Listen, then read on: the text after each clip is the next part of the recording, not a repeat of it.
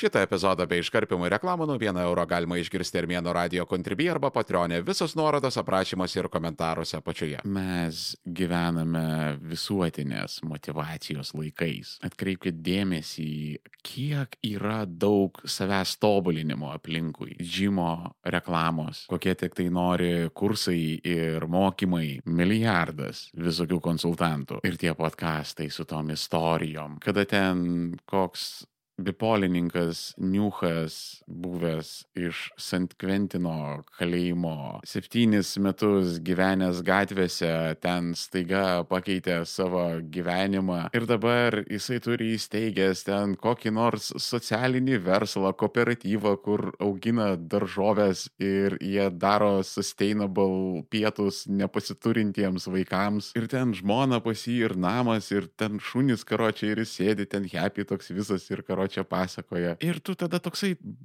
kodėl aš tokia padugniena? Patinka kiksmažodžiai? Prenumeruok Armėnas Plus tik už 1 eurą į mėnesį Armėno radio kontribį arba patreonį ir klausyk epizodų be reklamų ir iškarpimo visus nuorodas aprašymuose ir komentaruose apačioje. Kodėl aš dabar guliu su laptopu lovoje, ėdu čipsus trečią nakties, o keltis man pusę septynių, au kam aš toks duhas. Nu, tipo, va, dabar patičiuvas pasakoja, kaip į ten patėvis trankė galvą į betoninę sieną. Šiaip mano galvos į sieną niekas netrankė ir aš belenkoks loseris. Kad kas yra. Norėsi tu to ar ne, bet jeigu tu dalyvauji globaliuose komunikacijos tinkluose, o tu juose dalyvauji, patikėk tu manim, tu gali neturėti socialinių medijų, bet užtenka tau įsijungti televizorių ar atsiversti laikraštį, jeigu tokie egzistuoja dar ir viskas, tu jau esi globaliam komunikacijos raute. Ir tai yra ekosistema, per kurią toksiška motivacija išsivaikščiojo kaip kažkoks užkratas. Čia dabar tas vienas konspirologas auditorija, jis čia turi omeny koronavirusą, jis yra iluminatas sorošinis, čia jisai duoda ženklą. Taip, seniai dirbu, žinok, visiems, visiems Bill Gatesui, Klaus Švabui, žyd, visiems lygi vieno žydams, žinok, aš dirbu. Girdi?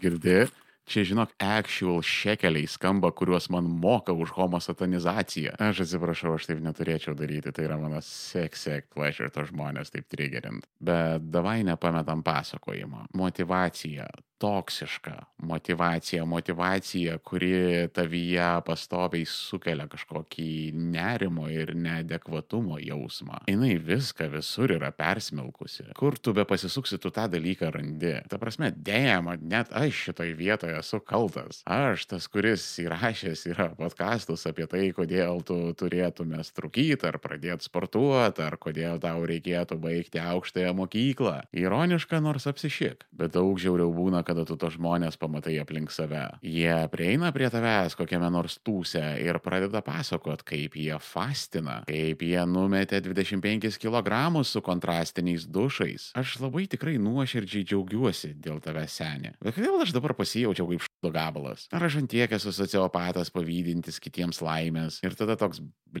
Ne, man labai ilgai prireikė tai suvokti, bet yra žmonės, kada jie pasigiria, tu už juos džiaugiesi, o yra žmonės, kurie pasigiria ir tau iš karto sukyla pavydo jausmas. Ir pirmu atveju tai yra tiesiog savas čiuvakas, antru atveju jie norėjo gauti iš tavęs tokią reakciją. Jie pasakė tai, ką pasakė, tam, kad tu pajaustum tai, ką pajaustum, nes jie getofina ant šitų dalykų. Ir čia ne tik aplinkiniai, šitas dalykas gali būti įsimetęs į jūsų darbovietę. Savo atrets pakabinau postą ir Armėno radio Instagram'e story su klausimu, ar žmonės pastebi toksišką motivaciją. Ir vienas klausytojas toks bazuotas seniai ir kalba yra ne tik tai apie tos visus gyvenimo būdo gūrų, bet ir verslai pasikabina ant šitų nesąmonių. Mano vienas bičiulis dirbo Airijos fabrike. Ir vieną dieną ten atvežė jiems į mokymus kažkokius motivatorius. Ir tas mano bičiulis toks labai intelektualus ir labai apsiskaitęs bičias ir jisai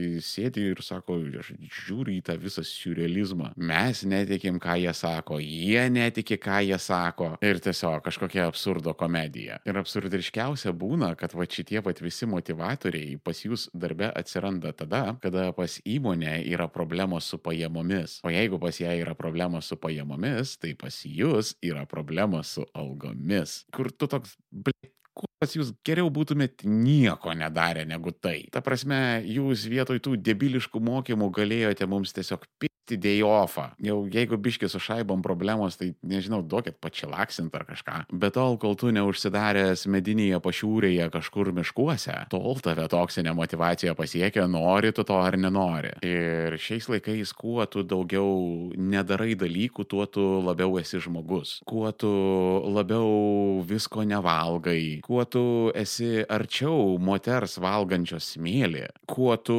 daugiau netoleruoji visokiausių maisto produktų. Ir čia yra ne tik liberastinių snaufleikų dalykai. Konservatyvūs snaufleikai užsiiminėja lygiai tokiam pačiom nesąmonėm. Jie tada nustoja valgyti soją iš vis ir daržovės ir valgo vien tik tai mėsą ir užsigeria benzinu. Ir jie išdidžiai atsisako skiepytis ir pildyti formas, kur yra daugiau negu du pasirinkimai lyčiai. Tai nesvarbu, kokiam tu esi pažiūrų spektre, ar tu apskritai gali būti visiškai apolitiškas, bet šiais laikais, kuo tu daugiau nedarai dalykų, tuo tu labiau esi karalius arba karalienė. Nes, nu, praktiškai kiekvienas celebritis kažko nedaro ir mes kaip socialiniai gyvūnai bandome pamėgdžioti tuos, kuriuos įsivaizduojame aukščiau socialinėje hierarchijoje. Tai tas signalas eina visur keurai. Bet tuo pat metu mes žinome visų problemų sprendimus. Tas visuotinio informavimo amžius mus bombarduoja ne tik motivuojančiomis žinutėmis, bet ir visų motivacijos problemų sprendimais. Tau kiekvienas niukas paaiškins, kaip veikia dopamino ir serotonino sistema ir kaip formuojasi žalingi įpročiai. Ir visi yra matę va tą va Džauraugano podcastą su tuo neuromokslininku, kuris tą pasakoja apie ketaminą ir D eksperimentus. Ir čia ne dėl prikolų ar kažkokių sutapimų, nes yra tiesiog motivacijos biznis. Didžioji motivacija, pavadinkim. Ir palibomo, kiekvienas iš jūsų esate kažką tokio padarę. Knygą nupirkote, į seminarą nuėjote. Visi mes esame turėję tą š laikotarpį gyvenime, kada nutiko kažkoks sukretimas, mes parkritome ant žemės, kažkas pas mus gyvenime labai reikšmingai suprastėjo ir mes iš tos desperacijos paėmėm kažkokį self-helpą į rankas. Ir kiekviena knyga yra pardavimas. Be knygų yra seminarai ir mokymai ir merčas ir šventasis gralis iš viso yra jūs pasodinti ant kokio nors abonemento. Pes tau subscriptioną ir tada gręžti iš tavęs kiek tik tai galima. Ta prasme, yra ištisi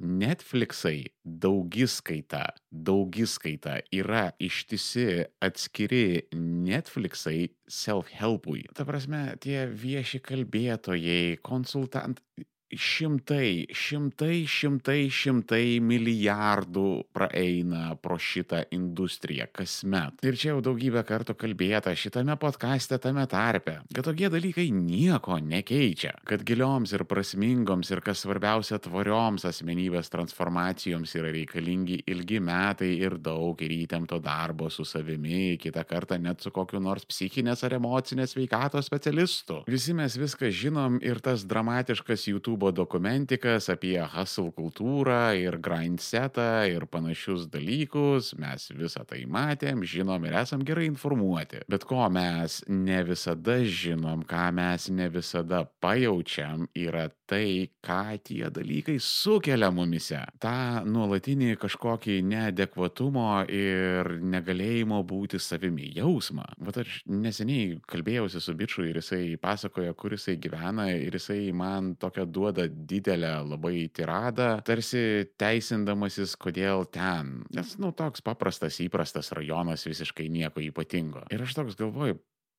Senė, tu turi savo nekilnojamo turtą atsipti nuo savęs. Kam tau reikia man teisinti, kad, nu, va, čia norėjosi senamestyje, bet čia būtų gerokai mažesnis plotas ir čia biški ten būtų mums nepatogu su darbais. Ir tu toks galvoji, o, oh, wow, kas, kas tau įvarė tą tokį neadekvatumo jausmą, Jėzau Kristau. Tu aunini savo stogą virš galvos, damn, viskas, košmaras jau baigėsi. Ir žiauriai daug kur taip yra ir aš nenoriu viską suversti tik tai ant šito toksiškos motivacijos trendo, bet tas dalykas prisideda, tai toks yra didelis ir labai riebus lašas į tą visuotinės kantrybės taurę. Tu savęs ir taip nekenti, kad tu visą naktį pragėriai piano menę, praskipinai džimą ir dabar valgai kebabą vidury nakties. Ir tada atsidarai Instagramą paskrolinti ir tau išmeta story. To vieno perfect čivako arba tos perfect panos. Visi savo socialiniuose tinkluose po vieną bent tokį turi, kurie deda tuos storiukus 5.30, kaip jie geria to savo proteino kokteilius su varpučių sultimis, kaip jie dabar važiuoja padėlio pažaisti, o paskui selfiai iš ofiso su fotogeniškais kolegom, kurie visi atrodo kaip Masimo dūti modeliai. Vat, vat šitie, vat, ir jų patys žiauriausi, jų patys iš vėžių labiausiai išmušiantys istorijai. Jie išeina tuo metu, kada tu būni labiausiai degradas. Nu, kada tau išvirto visas kebabas ant žemės,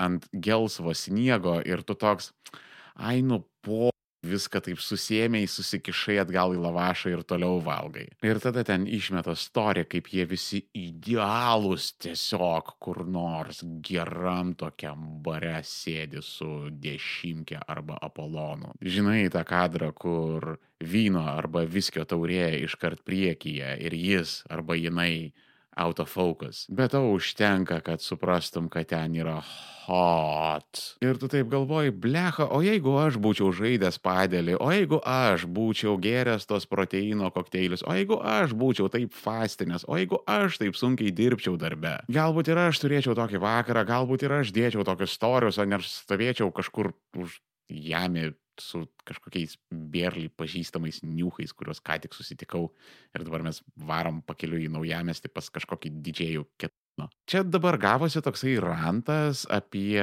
tai, kaip nutinka fever dream benderiai, bet ten nemažai kalbų apie substancijas, kurių vaikučiai negali klausyti ir aš jau turėčiau žymėti kaip atitinkamai suaugusių turinį, kas man belenkaip kainuos. Ir dar atskleisiu šokiruojančią paslapti, man patinka uždirbti iš šito podkasto, todėl viską iškirpau ir padėjau į Armėnas Pro. Armėnas Pro pilnos trukmės epizodai be reklamų užsisakyk planą Armėno radio kontribį arba Patreonė tik 4 eurai 99 į mėnesį. Visus nuorodos aprašymuose ir komentaruose apačioje. Vienas labai svarbus dalykas, kada mes matome aplinkui visas šitas mums anxiety keliančias tobulybės, nu, turiu omenyje tuos fenomenaliai pareigingus žmonės uh, socialiniuose tinkluose, kurie maksimalų anxiety sukelia. Ką mes visiškai pamirštame, tai yra, kad visa tai netikra. Dažnu atveju tai yra atsargiai surežisuotas nedidukas mažas plyšelis į kito žmogaus gyvenimą. Jūs nematot, kas vyksta aplinkui tą džimo story. Vienas čiūvas threads genialiai parašė, perfrazuoju, bet maždaug mintis tokia yra, kad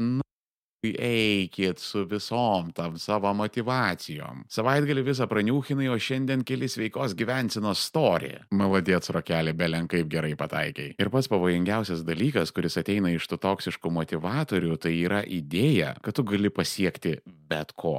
Bet ko, Bet ko literaliai, jeigu tu tiesiog užtektinai pasistengsi. Įdėk pastangų ir viskas tau pasiekiama. Ir tu žiūri į tą bičią ir galvoji, nu jo, tu atrodai tobulai, tu atrodai turintis tobulo gyvenimą, nu ir tu daug labai kalbė, kad reikia stengtis, hoslinti, grindinti, nu reiškia šitie dalykai veikia. Bet priežastis, kodėl tas bičias arba ta pana atrodo tobulai, dažniausiai yra labai paprasta - pinigai. Tau yra bepigu turėti ahui figūrą, kada tu turi pinigų asmeniniam treneriui, kuris atvažiuoja pas tave namo, į tavo asmeninį džimą, kada tavo mytyba sužiūrėta, asmeninio vyrėjo ir asmeninio mytybos specialisto, tu turi visas namų tvarkytojas, tu turi visas grožio procedūras ir va tada kažkaip nėra problemos atrodyti tobulai. Bet jeigu tai paimti iš realaus gyvenimo perspektyvos ir taip grinai per dieną suspėti, kilinti džime, kilinti kilinti ofise, būti belenkokiu šeimos žmogum, dar kažkaip suspėt pasitūsint ir išmiegoti pilną naktį ir iš ryto atsikelt ir taip kartot ir kartot ir kartot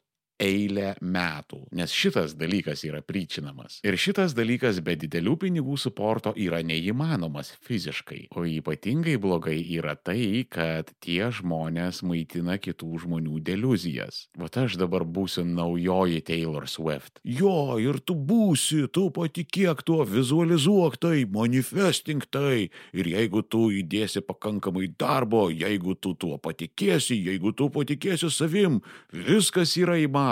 Ir jie tau papasakos kokią nors įkvepiančią istoriją. Ir tada tu pamiršti objektyvę realybę, kad ne, tu nebūsi naujoji Taylor Swift. Nes, nu, yra reikalingos aplinkybės, pažintys, laikymai. Labai daug judančių dalių, kad tu taptum Taylor Swift. Ir tu nežaisi NBA senį. Ir tu nebūsi tas milijonus uždirbantis tik tokeris. Nes, nu, nėra taip, neegzistuoja tokios substancijos, stebuklingos substancijos kaip darbas ar pastangos ar whatever tą dalyką pavadinsit grindas. Kad tu tiesiog į kažkokią problemą pradedi malt kojytėmis ir jinai paliubomo išsispręs ir išsispręs taip, kaip nori. Ir čia yra tik tai tavo pastangų klausimas. Kas objektyviai yra absurdas. Tu gali judėti tam tikrą trajektoriją gyvenime ir taip pastangos ir pareigingumas ir disciplina tau padės, bet yra įvairūs realybės apribojimai. Man yra 37 metai, aš turiu blogus kelius ir esu 1,85 m. Aš nepapulsiu į NBA, kad ir ką aš darysiu. Lygiai taip pat aš netapsiu naujoju Warrenu Buffetu. Ir grinai statistiškai, by the way, tu turi daugiau šansų pakliūti į NBA, negu tapti antiek pasiturintis kaip Warrenas Buffetas. Beje, aš esu toks spalvotos biografijos dėdė. Mačiau viską. Mačiau politiką, mačiau tarptautinės organizacijas, mačiau privatų verslą, mačiau stambų verslą, mačiau smulkų verslą, mačiau NVO, mačiau praktiškai visas organizacijas iš vidaus. Galiu pasakyti, kad niekad nesu matęs tiek padaryta klaidų ir tiek prisidaryta problemų tiesiog grindinant. Kada žmonės pradeda varyt non-stopų ten po 14-16 valandų, jie tiesiog, aš, aš pats esu, man tai pačiam yra nutikę, aš su kitais tą dalyką esu matęs.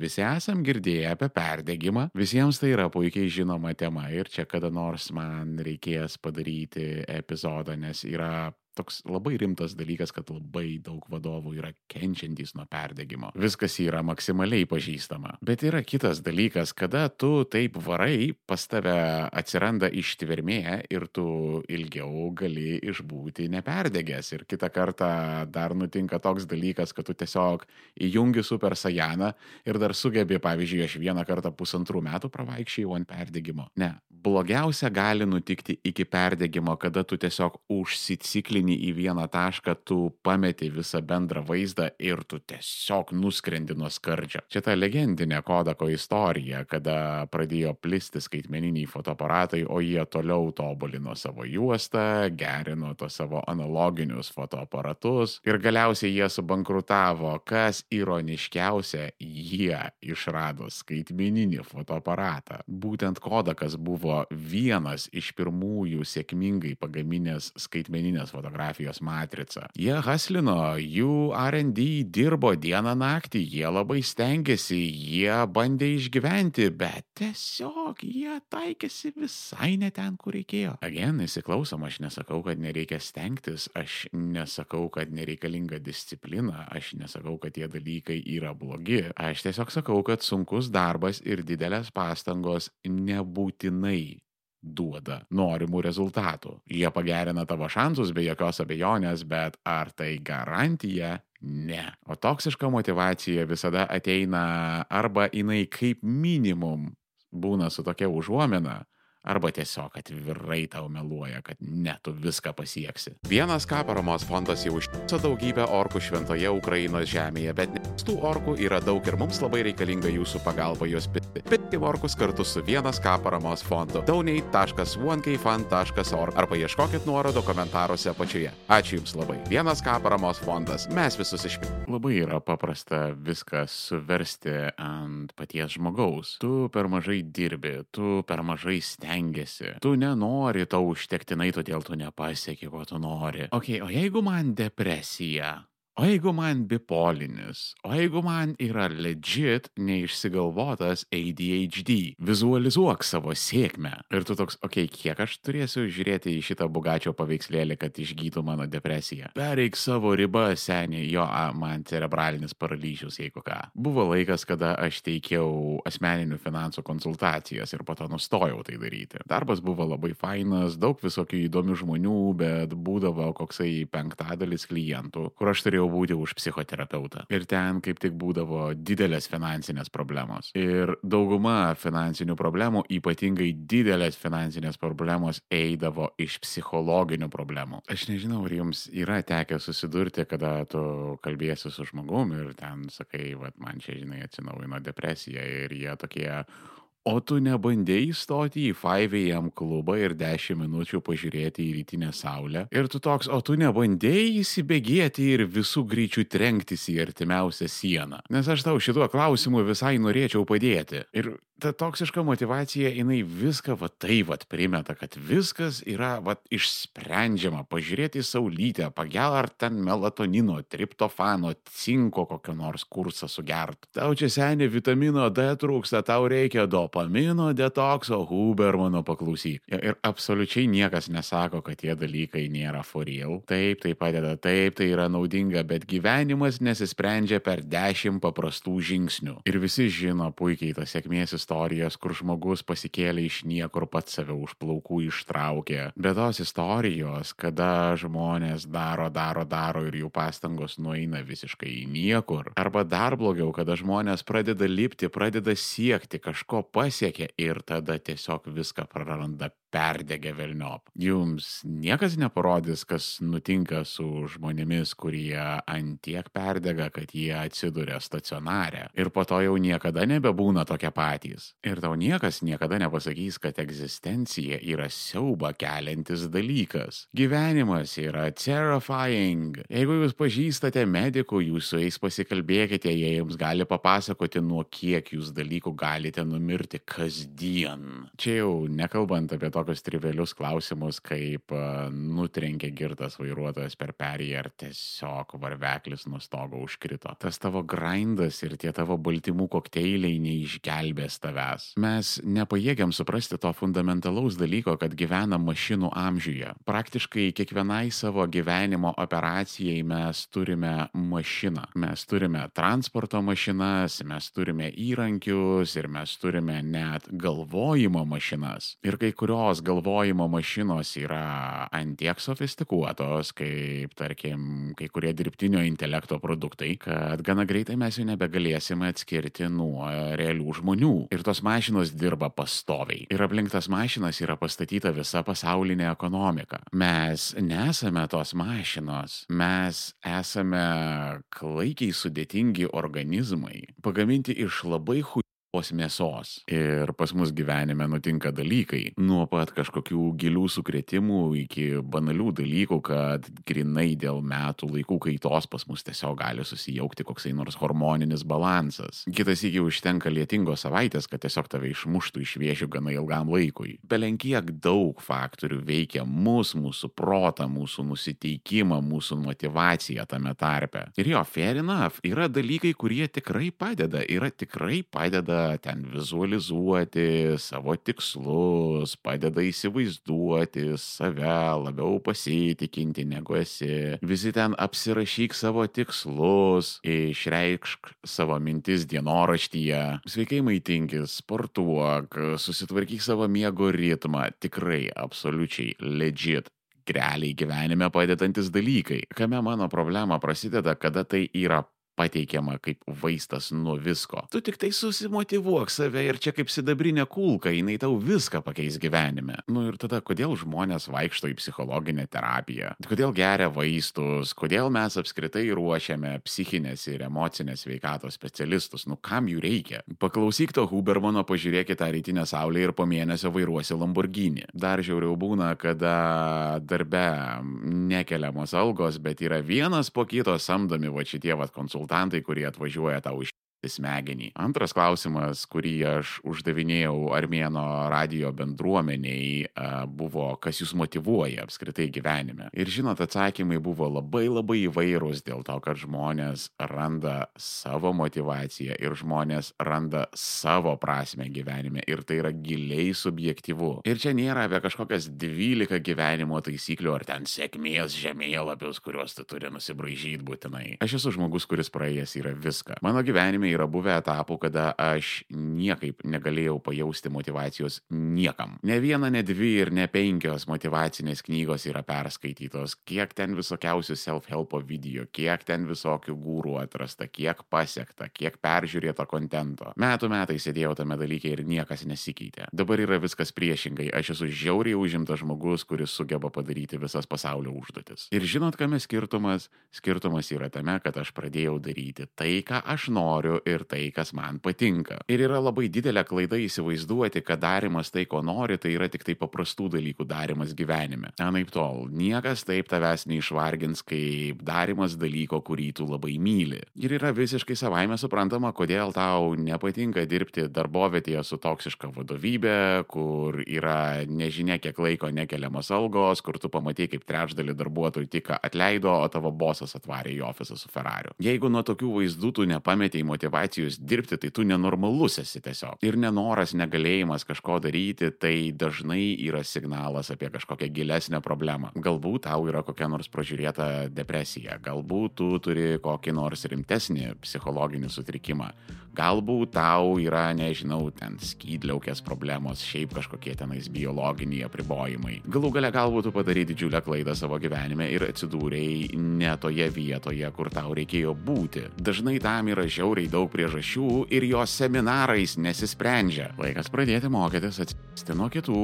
o svarbiausia nuo pačių savęs. Nes pats šlikščiausias, pats žiauriausias motivatorius yra ne tas žlovas, kuris Instagram'e gyvenimo būdo kursus pardavinėja, o tas, kuris sėdi tavo galvoj ir lašina kiekvienai progai pasitaikius. Todėl per daug nesistebėkit, kad jeigu atsistumėte nuo savęs ir staiga atrastumėte motivaciją gyventi, gyvenimas yra sudėtingas ir dėl to paprasti atsakymai dažnai neveikia. Ok, ok.